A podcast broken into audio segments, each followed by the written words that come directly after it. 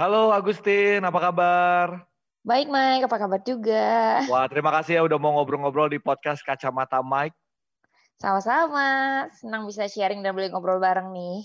Nah, wak kan sempat nih, gue sempat ngobrol dan memperkenalkan Agustin ini sebagai ketua yayasan atau founder dari N Charity. Sebenarnya apa sih yang melatar belakangi Agustin membuat sebuah yayasan?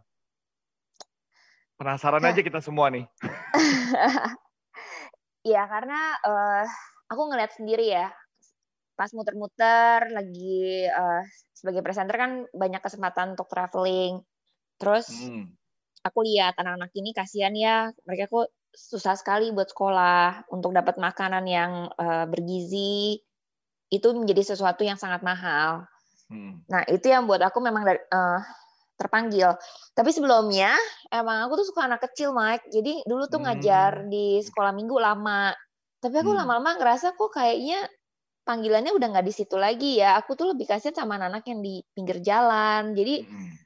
uh, mulai deh kayak misalnya ada anak jalan aku nggak mau kasih uang. Dulu aku kasihin mereka botol minum isinya air karena aku lihat panas banget kan, kasihan. Iya. Dibeliin yeah. yang modelnya ada Disney-nya. Yeah. Terus pas kuliah uh, bikin project kebetulan kuliah psikologi jadi banyak proyek hubungan sama human kan aku ke panti asuhan kayak gitu-gitu deh sampai uh, beberapa produser tahu aku suka anak kecil dapatlah program yang hubungannya sama kegiatan anak-anak dan base-nya sosial kayak gitu hmm. tentang uh, namanya aku, aku ingin sekolah salah satu programnya terus baru hmm. ada lagi tahu lagi dikasih namanya pahlawan Indonesia hmm. jadi uh, karena ke, ka, lihat keadaan sendiri kali ya kok yeah, yeah. sedih banget ya kita di kota besar tuh nggak sebegini beratnya. Di kehidupan lah ya kalau mungkin di lingkungan aku. Tapi kok ngeliatin anak-anak ini di daerah kumuh di daerah pedalaman susah banget. Dan uh, waktu aku kecil aku juga ngalamin sekolah itu susah. Harus bisa dapetin hmm. beasiswa kiri kanan. Uh, perjuangan yang nggak gampang untuk bisa uh, sampai lulus kuliah. Jadi mungkin ya ini karena ada cerita sedikit relate mungkin aku nggak sesusah mereka tapi ada ada benang merahnya yang buat hmm. aku tuh kalau aku bisa sampai saat ini aku pengen mereka juga bisa gitu. Hmm. Oke, okay, wow. Jadi ini yang bukan hal yang kebetulan ya, Tin ya? Eh, uh, aku percaya sih kalau Tuhan itu mengizinkan segala sesuatu tuh punya rencana. Dulu sih aku hmm. nanya-nanya juga Mike kayak gila susah banget ya ini kayak sekolah tuh harus pinter, harus dapetin beasiswa karena hmm keadaan keluarga yang nggak proper gitu mama hmm. aku single mom yang harus berjuang buat aku gitu mungkin dulu hmm. sih nggak bisa terima uh, hmm. terus kayak tanya sama Tuhan tapi nggak pernah nggak pernah kejawab sampai hmm. aku umur 23 aku ketemu jawaban itu gitu jadi okay. uh, dan aku mulai bangun yayasan ini kan waktu itu aku umur 25 hmm. ya setelah aku nemuin jawaban itu sih dan okay. sebenarnya bu bukannya kepengen bikin yayasan, nggak pernah kepikir bikin yayasan. Nggak oh, jadi ini bukan juga. pilihan pertama gitu? Bukan, bukan cita-cita. Oh. bukan, bukan sama sekali. Enggak, enggak, Jadi enggak. apa? Kenapa? Uh, terceburkah atau memang karena ya tadi yang sudah diceritakan pengalaman demi pengalaman yang membawa Agustin akhirnya oke okay, bentuknya harus da uh, dalam bentuk yayasan atau seperti apa sih Tin sebenarnya? Uh, keseret arus kayaknya ya terus nggak bisa apa-apa lagi jadi ya udahlah ya gitu. Uh, Tapi kan berbuah ya. baik kan buat kebaikan banyak orang. Aduh, amin. Semoga ya bisa jadi berkat bagi hmm. banyak orang. Uh, ya waktu itu sih idealis banget ya. Ketika uh, punya panggilan ini tuh kuat banget. Awal-awalnya kan cuman uh, bikin project gitu loh kan kayak teman-teman sering kan nih bikin project bakso ke mana gitu ya. Yeah sama aku juga kayak gitu bikin project sama teman-teman tapi aku hmm. uh, pas kuliah belajar kayak ini nggak akan terjadi banyak transformasi karena hmm. manusia itu kan butuh sebuah perubahan kalau hmm. kita cuma hit and run doang itu nggak akan ada transformasi kehidupan hmm. jadi karena dasar itu juga aku ketemu mereka terus mereka tuh kayak sedih banget nggak bisa sekolah minta tolong minta tolong gitu terus aku ya. lihat yeah. juga aku hidup tuh banyak ditolong orang, banyak dapat hmm. beasiswa. Ya aku pengen gitu mereka punya kesempatan balik. Nah, waktu itu kenapa akhirnya jadi yayasan? Uh, hampir nangis loh karena saking stresnya nggak tahu gimana bikin yayasan. Jadi hmm. uh, ada perusahaan yang mau kerja sama. Hmm. Kan uh, aku bawa satu program di uh, TV One pagi gitu talk show hmm. dan narasumbernya ganti-ganti. Terus dia suka nanya, Gusin kalau pulang syuting ngapain? Gitu. Aku bilang oh iya aku lagi ngurusin anak, -anak jalanan aku bilang gitu. Jadi yeah. wah boleh nih kita kerja sama CSR apa itu CSR anak nggak ngerti apa-apa nih apa? Gitu ya. Terus hmm. tanya sama kakak sama kakak uh, satu ya memang dia kayak kakak bimbing aku lah.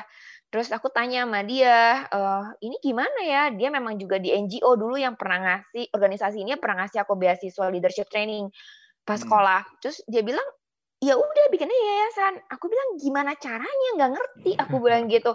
Orang nggak kepengen bikin yayasan, cuman kepengen nolongin aja. Aku bilang gitu yeah, karena yeah, yeah. nanti jadi ribet. Aku nggak pernah sekolah manajemen dan segala macam nggak nggak ngerti nih. Terus posisinya dia di Manado, aku di Jakarta. Jadi uh, pas pergi juga nggak tahu mesti pergi ke mana. Orang nggak pernah bikin perusahaan, orang nggak hmm. pernah bikin apa, nggak nggak tahu bener-bener ngeblank banget. Aku cuman yeah. cuman punya punya Facebook saat itu nggak ada Instagram cuma ada Facebook cuma bilang mau bangun yayasan gimana caranya? Dibales lah sama kepala sekolah yang sekarang udah almarhum. Udah kamu pergi aja ke notaris gitu. Notaris ini yang bangunin eh, BPK penabur. Wih langsung ciut. Gimana? Mana sanggup? Orang nggak punya duit. Gimana caranya mau bangun ini? Nggak nggak nggak kurang killer gitu. Kok nggak sih mak? Kayak ya, ya, ya, ya. ini apa? Coba sih kepala sekolah aku gitu kan. Ya, terus ya. Ya udah aku pikir ya namanya pengen banget gitu ya aku ajak mamaku pergi. Pergi hmm. nanya nanya nggak punya duit. Terus kayak hmm. ditanyain kayak ah, punya nggak duit segini buat bayar? Bayar suratnya aja deh. Ternyata kamu ada kelas saya saya seneng banget gitu misinya. Okay. punya duit juga. Cuma aku bilang kayak oh iya oh, nanti aku balik lagi ya aku nggak punya uangnya aku bilang gitu. Ya udah okay. pulang. Terus aku coba lagi nyata ada satu proyek kecil uh, partner aku bilang kamu kan suka charity itu buat kamu aja tuh dia bilang gitu. Aku inget banget ya 500 500 dolar. Saat itu 5 juta ya. Aku bilang hmm. ah beneran gitu. Ya udah dengan terus nambahin gaji aku ya bisa register supaya ada perusahaan yang kayak mau bantuin kita bisa masuk. Itu tuh ya, pertama. Jadi jadi jadi sebuah kecelakaan sih sebenarnya Om tapi tapi aku bisa bilang kayak Tuhan izinin terjadi kalau kita juga mau meresponi gitu. Jadi Betul. Aku cuma ngeresponin aja. Yang aku pikir ya, aduh kalau anak-anaknya bisa sekolah kan bahagia sekali ya gitu. Mereka kan gak minta yang aneh-aneh, gak, gak minta mobil mewah lah, gak minta gadget yang mau. Enggak, mereka cuma mau sekolah. Nah itu kan hak, hak setiap orang gitu. Setiap Betul. hak anak untuk tumbuh kembang. Mm. Kok kayak gregetan banget kalau lihat ini tuh kayak kasihan banget ya nggak nggak neko-neko kok gitu. Mereka memang yeah. butuh gitu loh untuk mereka bisa jadi orang dan mereka bisa jadi seseorang yang mandiri, bisa nolongin keluarganya lah minimal dan nggak jadi sampah di masyarakat. Tapi siapa tahu dia bisa buat Indonesia berubah, kita nggak tahu gitu. Betul. Jadi itu investasi kepada anak-anak dari usia dini supaya mereka punya uh, masa depan yang lebih baik begitu ya. Itu yeah. harapannya kan ya dengan kehadiran yayasan ini. Tapi Tadi kan sudah diceritakan ya bahwa ada strugglingnya juga ternyata dalam mendirikan yayasan nggak punya uang, tapi tiba-tiba ada ada aja jalannya kalau eh, punya tujuan yang baik gitu ya buat orang banyak. Nah, tapi gimana caranya mengumpulkan orang-orang yang membantu Agustin? Kan nggak mungkin Agustin uh, bekerja sendiri kan? Yang punya visi yang sama, menaruh visi. Sulit nggak sih, Tin? Sulit, Mike. Soalnya uh, ini kan nggak ada duitnya ya. Hmm. Uh, jadi banyak yang Kamengo juga dan hmm. benar-benar orang yang punya hati yang bisa bertahan bareng. Hmm. Nggak nggak lihat orang itu kaya atau miskin, orang tuh suku apa, agama apa, nggak bisa. Yang bisa bertahan hanya orang yang punya hati yang sama buat anak-anak miskin di Indonesia. Okay. Jadi kayak beras aja ketampi. Nanti dia come and go, come and go, nanti akan ketemu kayak gitu. Dan uh, sekarang sih karena udah jalan 9 tahun ya, hampir yeah. 10, jadinya udah udah nggak terlalu kaget. Dulu tuh aku kaget banget ya kalau ada orang yang keluar masuk gitu. Kayak aduh gimana nih? Udah orangnya dikit gitu kan. Terus orangnya keluar hmm. masuk. Uh, susah nyari SDM apalagi hmm. daerah itu susah banget. Hmm. gimana cara cari orangnya? Ya uh, biasanya sih aku tulis di sosial media. Dulu awal-awalnya sih aku tulis sosial media aku kontakin orang. Misalnya di Bali aku bangun aku kontakin semua kontak person yang aku kenal di Bali ajakin visinya kayak gitu uh, ya siapa pun juga aku aku kasih tahu, aku ajakin aja dengan yang ada di tangan aku aja, kan nggak bisa apa-apa hmm. juga. Nah, Ingat nggak uh, dulu awal-awal tuh berapa orang yang terkumpul? Dulu awal-awal uh, aku bikin di Facebook kayak 20 anak putus sekolah, ada nggak yang mau hmm. bantuin? Dalam nggak nyampe sehari aku nangis karena dapat loh 20 orang mau bantuin. Ah, ada 20 orang volunteer ya. yang langsung mau membantu. Bukan, okay, saat itu tuh nggak ada nggak nggak ada volunteer Mike waktu aku tuh ngerintis aku with my ex partner. Okay. Jadi berdua sama dia, terus uh, 20 orang ini 20 orang yang mau ngedonor, ngedonor tiap hmm. anak gitu untuk sekolahin yeah, mereka yeah. setahun gitu. Terus akhirnya uh, berjalan ya kita ada berlima, berlima hmm. terus ya mental-mental tinggal bertiga gitu. Sekarang okay. ya orang kamen go lah kayak gitu. Dan sekarang Jadi, posisinya udah ada berapa orang yang terregister untuk membantu anak-anak jalanan ini? Volunteernya yes, atau staffnya? Staff dan volunteer. Dari mulai berdua oh. kan sama partner, terus iya. sekarang udah berapa nih?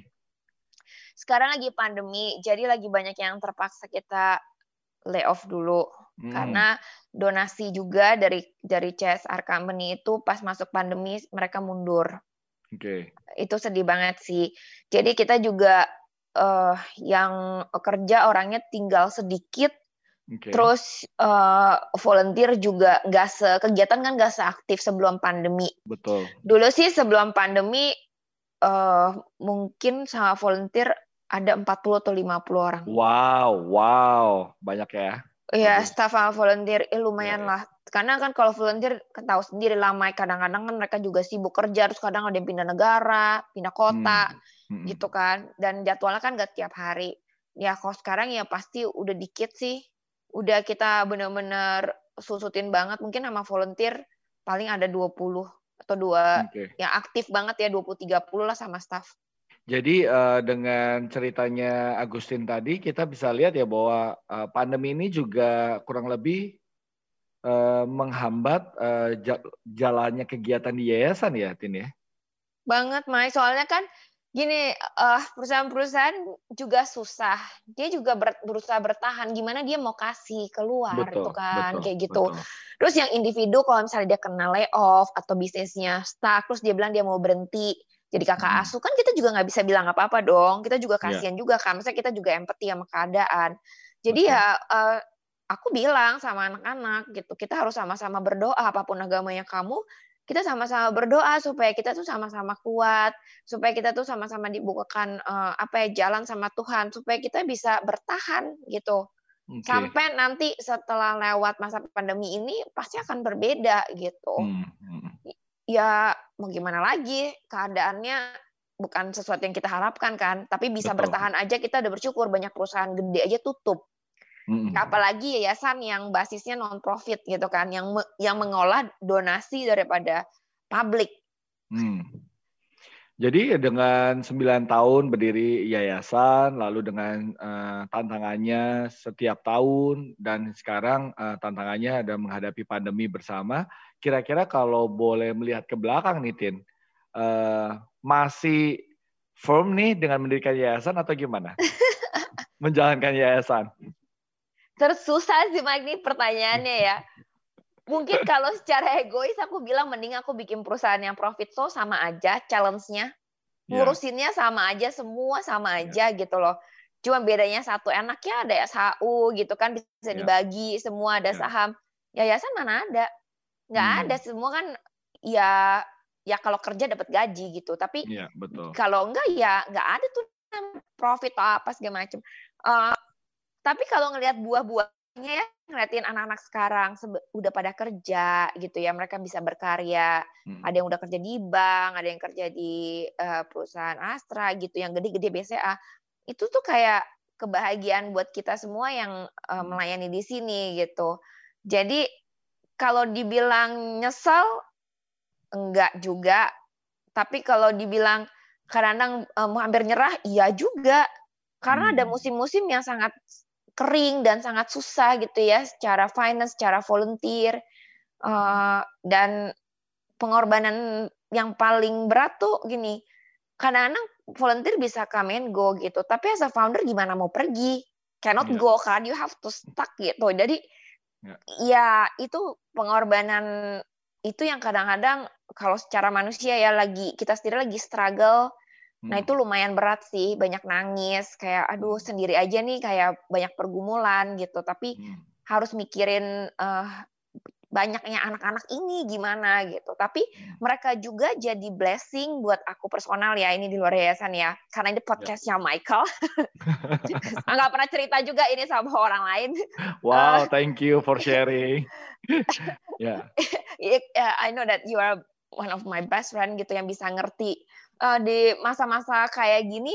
Maksudnya masa-masa aku berat juga anak-anak itu yang datang menghibur dia hmm. pernah kayak kirimin surat ke aku ke kantor, isinya tuh kayak kakak terima kasih ya kalau kakak nggak nyampe ke Bali, aku nggak tahu, aku mungkin nggak sekolah hari ini. Hmm. Kakak makasih ya. Aku benar-benar kayak hal-hal kayak gitu ya. Kan mereka nggak pernah kasih balik apa-apa, tapi berupa ucapan makasih aja kayak benar-benar menguatkan aku bahwa hidup aku nih masih berguna loh. Sesusah-susahnya hmm. kamu as a person, tapi hidup kamu nih masih berguna bagi orang-orang lain, bagi anak-anak ini karena kita sebagai individu kan juga bukan cuman perlu uang gitu ya, tahta ya. atau kesuksesan secara materi, popularitas, tapi kan kita juga perlu berfungsi gitu kan. Nah, ya, di karena begitu ya. Iya, di saat kita nggak punya uang, di saat orang-orang semua tinggalin kita sendiri, bingung gitu ya, tapi ternyata anak-anak itu membuat aku merasa, oh aku nih ada fungsinya di dunia ini dan belum selesai. Jadi wow. mereka pun jadi berkat balik buat aku. Ya, ya, ya. Wow. I'm speechless. Wow, sangat menginspirasi banget ya teman-teman podcast Kacamata Mike ya. Duh, sampai gemeteran. Eh apa? Bener-bener gus banget. Dengar ceritanya, wow, sangat menginspirasi, Tin. Uh, to be ya, honest, happy Tuhan. to hear that. Tuhan baik banget lah, Mike. Ya. Uh, ya, you know me, kan kita kenal juga udah lama banget uh, hidup aku bukan yang selalu lurus-lurus. Maksudnya kayak baik-baik aja, banyak hmm. uh, tantangan dan cobaan yang aku harus alamin gitu. Dan di saat-saat itu juga aku bisa aja give up untuk lepasin ini semua, hmm. gitu kan. Uh, bisa aja aku menjadi ya udah ngapain aku urusin ini, aku urusin aja uh, kehidupan aku sendiri gitu. Hmm. Tapi ya aku percaya kalau Tuhan yang taruh, Tuhan yang menumbuhkan dan Tuhan juga yang memelihara itu aja sih. Wow, oke. Nah sekarang pertanyaannya mungkin teman-teman juga penasaran nih yang lagi dengerin podcast Kacamata Mike ini, berapa banyak sih anak-anak yang sudah benar-benar kalian asuh dari awal sampai sekarang? Wah kalau dari dulu ya mungkin sih totalnya mungkin lebih dari 1.500 ya lebih wow. mungkin. Ya ya ya 1.500 ya. Uh, Dan mereka tuh dari berapa uh, usia range-nya?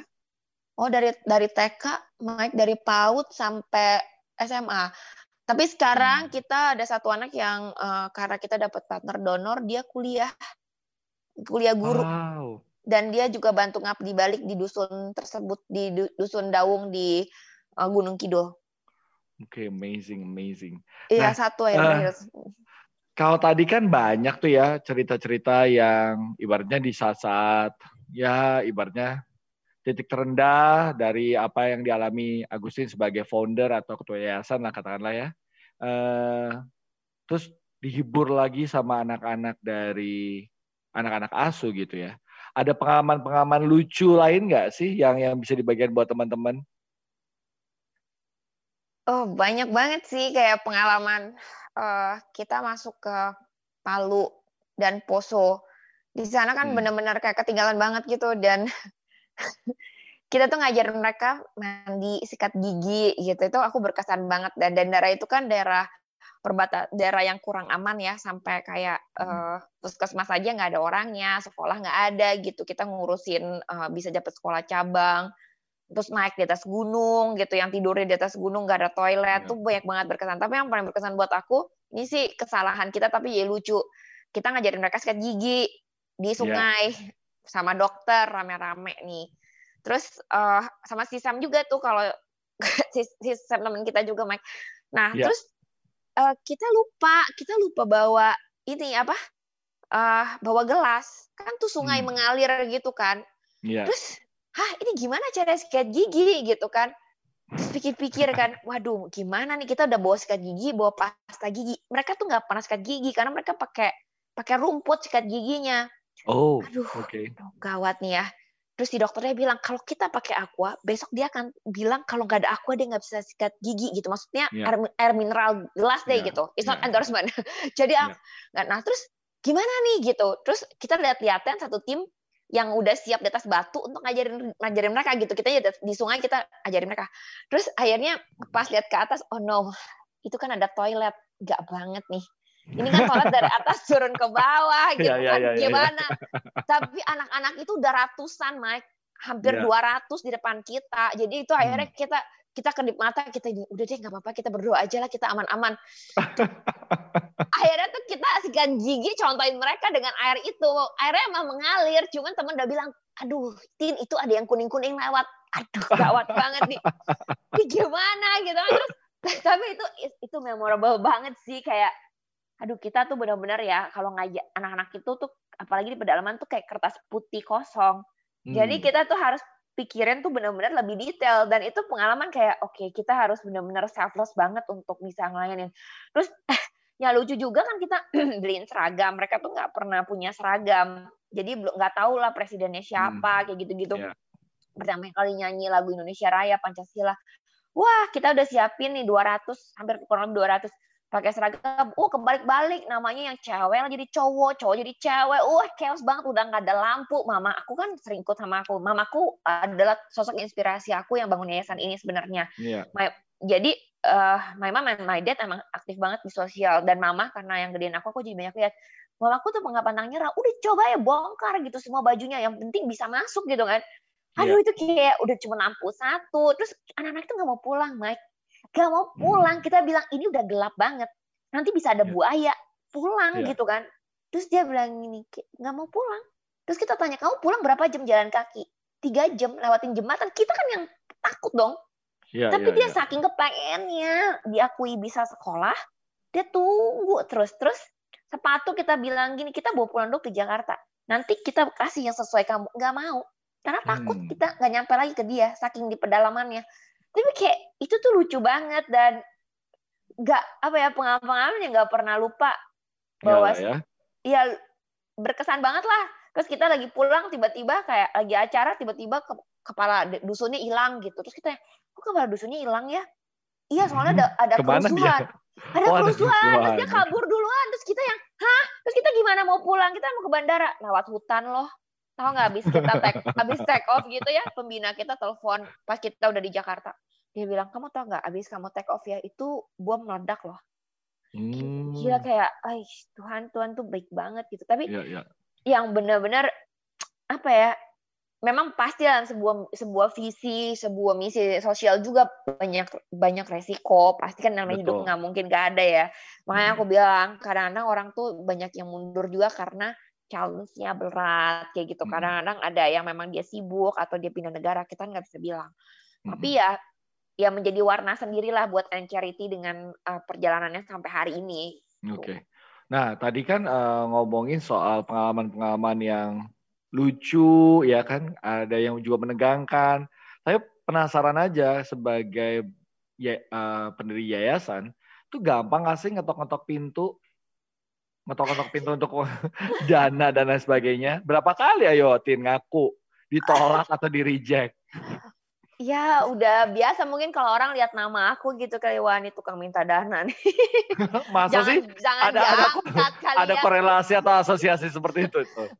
Gak, gak, mungkin aja sih. Aku rasa bisa aja. Kayak kayak Bang Andi Noya ya sekelas Bang Andi Noya yang menjadi mentornya aku ya. Dia bilang hmm. saya juga sering tin dibaca dibuka WhatsApp-nya dibaca nggak dibales. Ya aku pikir ya. ya. ya kita ya. Gini. Seringnya orang online statusnya tapi nggak ngebales kita, tapi ngebales orang lain. iya, ya gimana ya udahlah namanya bukan. Ya. Maksudnya gini, aku lihat sosok-sosok mentor aku yang hebat gitu ya. Hmm. Kayak Andi Noya siapa sih yang nggak tahu hmm. Andi Noya gitu. Hmm. Dia aja bisa diperlakukan seperti itu. Apalagi aku gitu. Dia bilang hmm. gini, kalau kita stigma berbuat kebaikan, ya jalanin aja. Apa pun coba aja, biarin aja kan juga nggak apa-apa. Paling ya nggak dibalesin gitu. Kita ya, hmm. oh udah tahu nih, Andi pasti minta dana, Agusin minta dana gitu. Cuman kita kan tujuannya baik, bukan buat diri kita kan. Kenapa hmm. kita malu? Kan tujuannya buat orang, buat orang hmm. lain, buat anak-anak itu. Ya udah, paling. Jadi selalu ingat gitu why aja. we do what we do ya.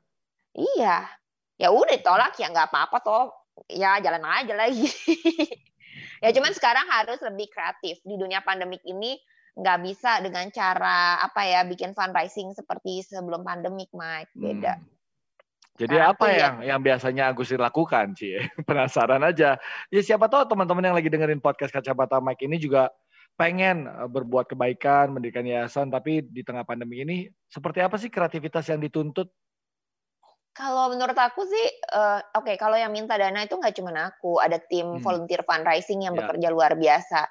Nggak hmm. kuat naik, soalnya eh, charity itu bukan uh, apa ya social enterprise. Kalau social enterprise itu kan uh, ada bisnisnya, profitnya ditaruh ke yayasan kan.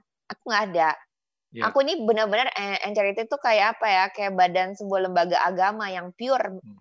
Memang dia berdiri sendiri gitu. Jadi berat kan sebenarnya, sangat berat. Hmm. Karena hmm. mengandalkan dana publik. Kalau publik nggak bantu, kita nggak bisa apa-apa.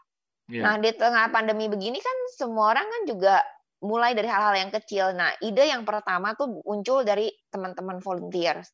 Dia bilang semua orang kan jual makanan minuman ya hmm. uh, tapi juga orang butuh hidup akhirnya kita bikin platform namanya goodsoul.id uh, dengan tagline-nya sharing by uh, caring by sharing jadi uh, dengan platform ini semua orang yang mau jual makanan termasuk para volunteer semua kita buka untuk publik semuanya bisa jualan di goodsoul hmm. nah si hmm. goodsoul kan of course yang jualan dapat duit dong bisa buat survive buat hidup dapat profit tapi si charity juga dapat profit Hmm. Nah, itu yang dimasukin bukan profit ya, itu donasinya.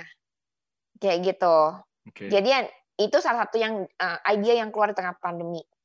Kedua, okay. Uh, banyak banyak kolaborasi sih, banyak kolaborasi kolaborasi misalnya uh, contohnya lagi kerjasama sekarang sama desainer namanya Pangsani. Dia punya kain hmm. subaya sangat bagus. Jadi kita kolaborasi juga. Jadi dari hasil penjualannya si beberapa item itu uh, berapa persen dikasih ke uh, buat donasi. Jadi dia mengaj ikut mengajak para customernya untuk berdonasi.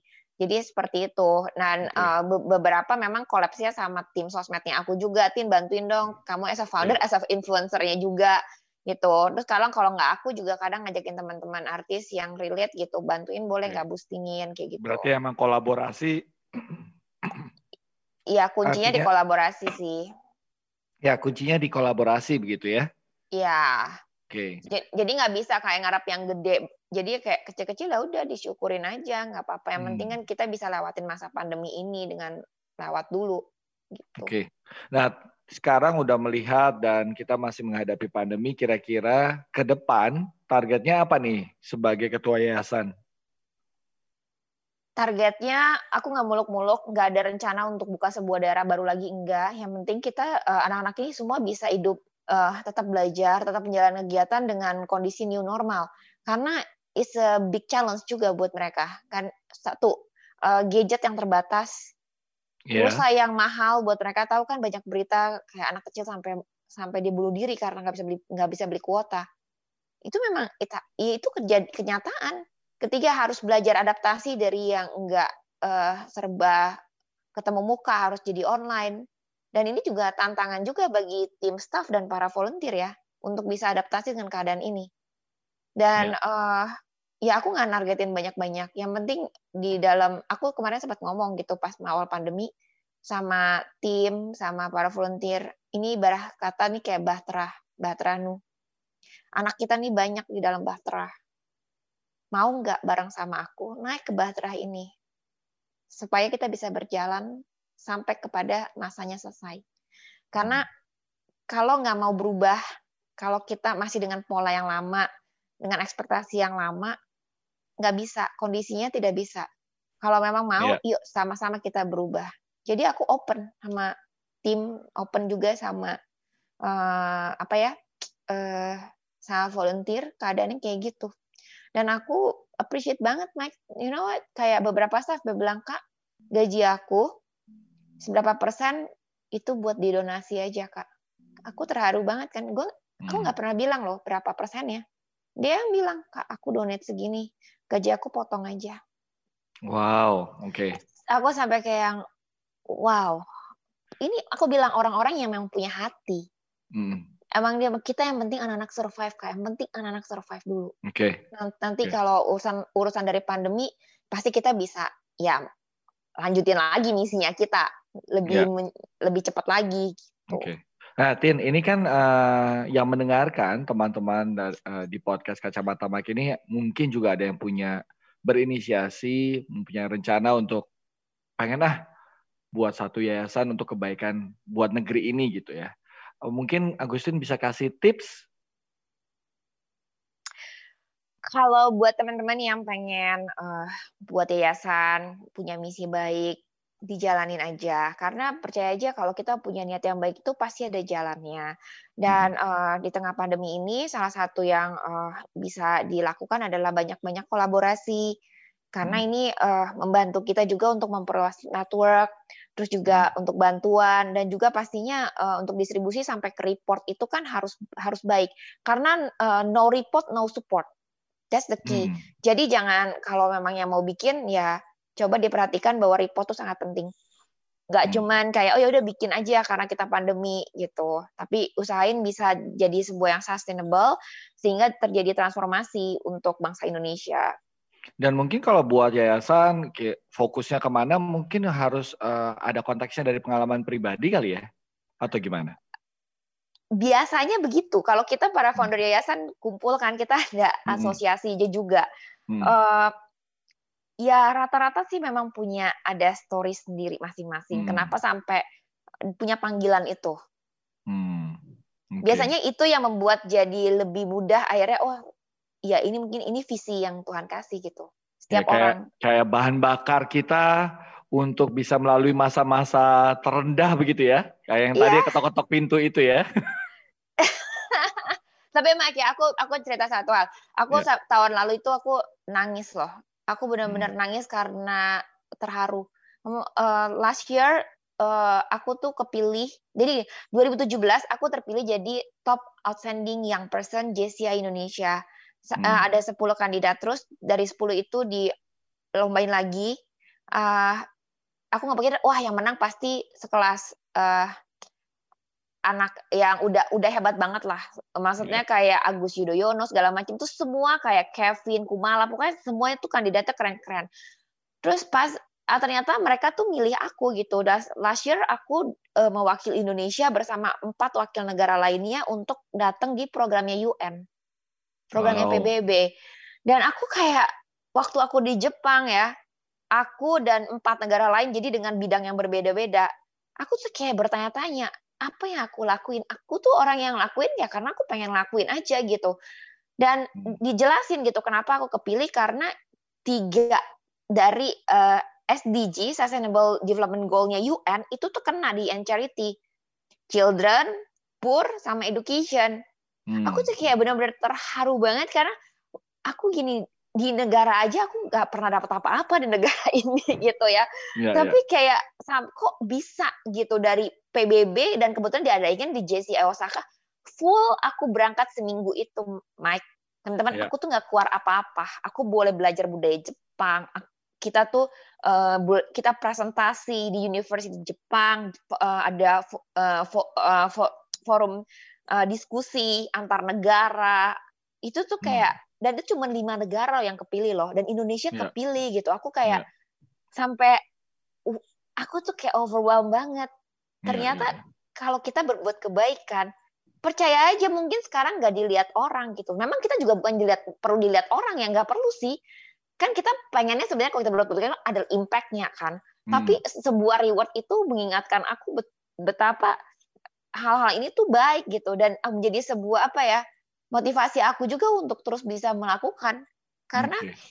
selama tujuh hari kita diskusi ngobrol bahkan sampai diundang sampai ke kerajaan Jepang gitu cuman nggak bisa sayangnya nggak boleh difoto karena yeah, itu yeah. kan ya cuman buat kita internal aja tapi sebuah sebuah apa ya sebuah hal yang buat aku tuh terharu banget gitu loh hmm. kok bisa ya aku dari Indonesia yayasan kecil gitu bisa bisa kepilih hmm. untuk di mata dunia gitu. Oke, jadi kalau berdasarkan pengalaman itu boleh loh kita tutup obrolan kita dengan quote ala Agustin Ramli. quote aku simpel banget, ayo sebarkan kebaikan supaya semakin banyak eh, anak-anak di Indonesia yang bisa mengecap pendidikan dan juga punya kesehatan yang layak. terutama di masa pandemi ini. Wow, thank you so much buat sharingnya Agustin Ramli, sangat menginspirasi dan aku yakin teman-teman yang juga mendengarkan podcast Kacamata Mike ini juga sangat-sangat terinspirasi dengan cerita dan kita doakan ya, mudah-mudahan sebagian dari teman-teman ini juga punya niatan baik, tujuan yang mulia untuk bisa mendirikan yayasan untuk kebaikan negeri ini. Amin ya Tin ya. Amin, amin Mike. Amin, amin. Jadi terus dengarkan ya dan simak terus podcast Kacamata Mike. Sampai jumpa minggu depan.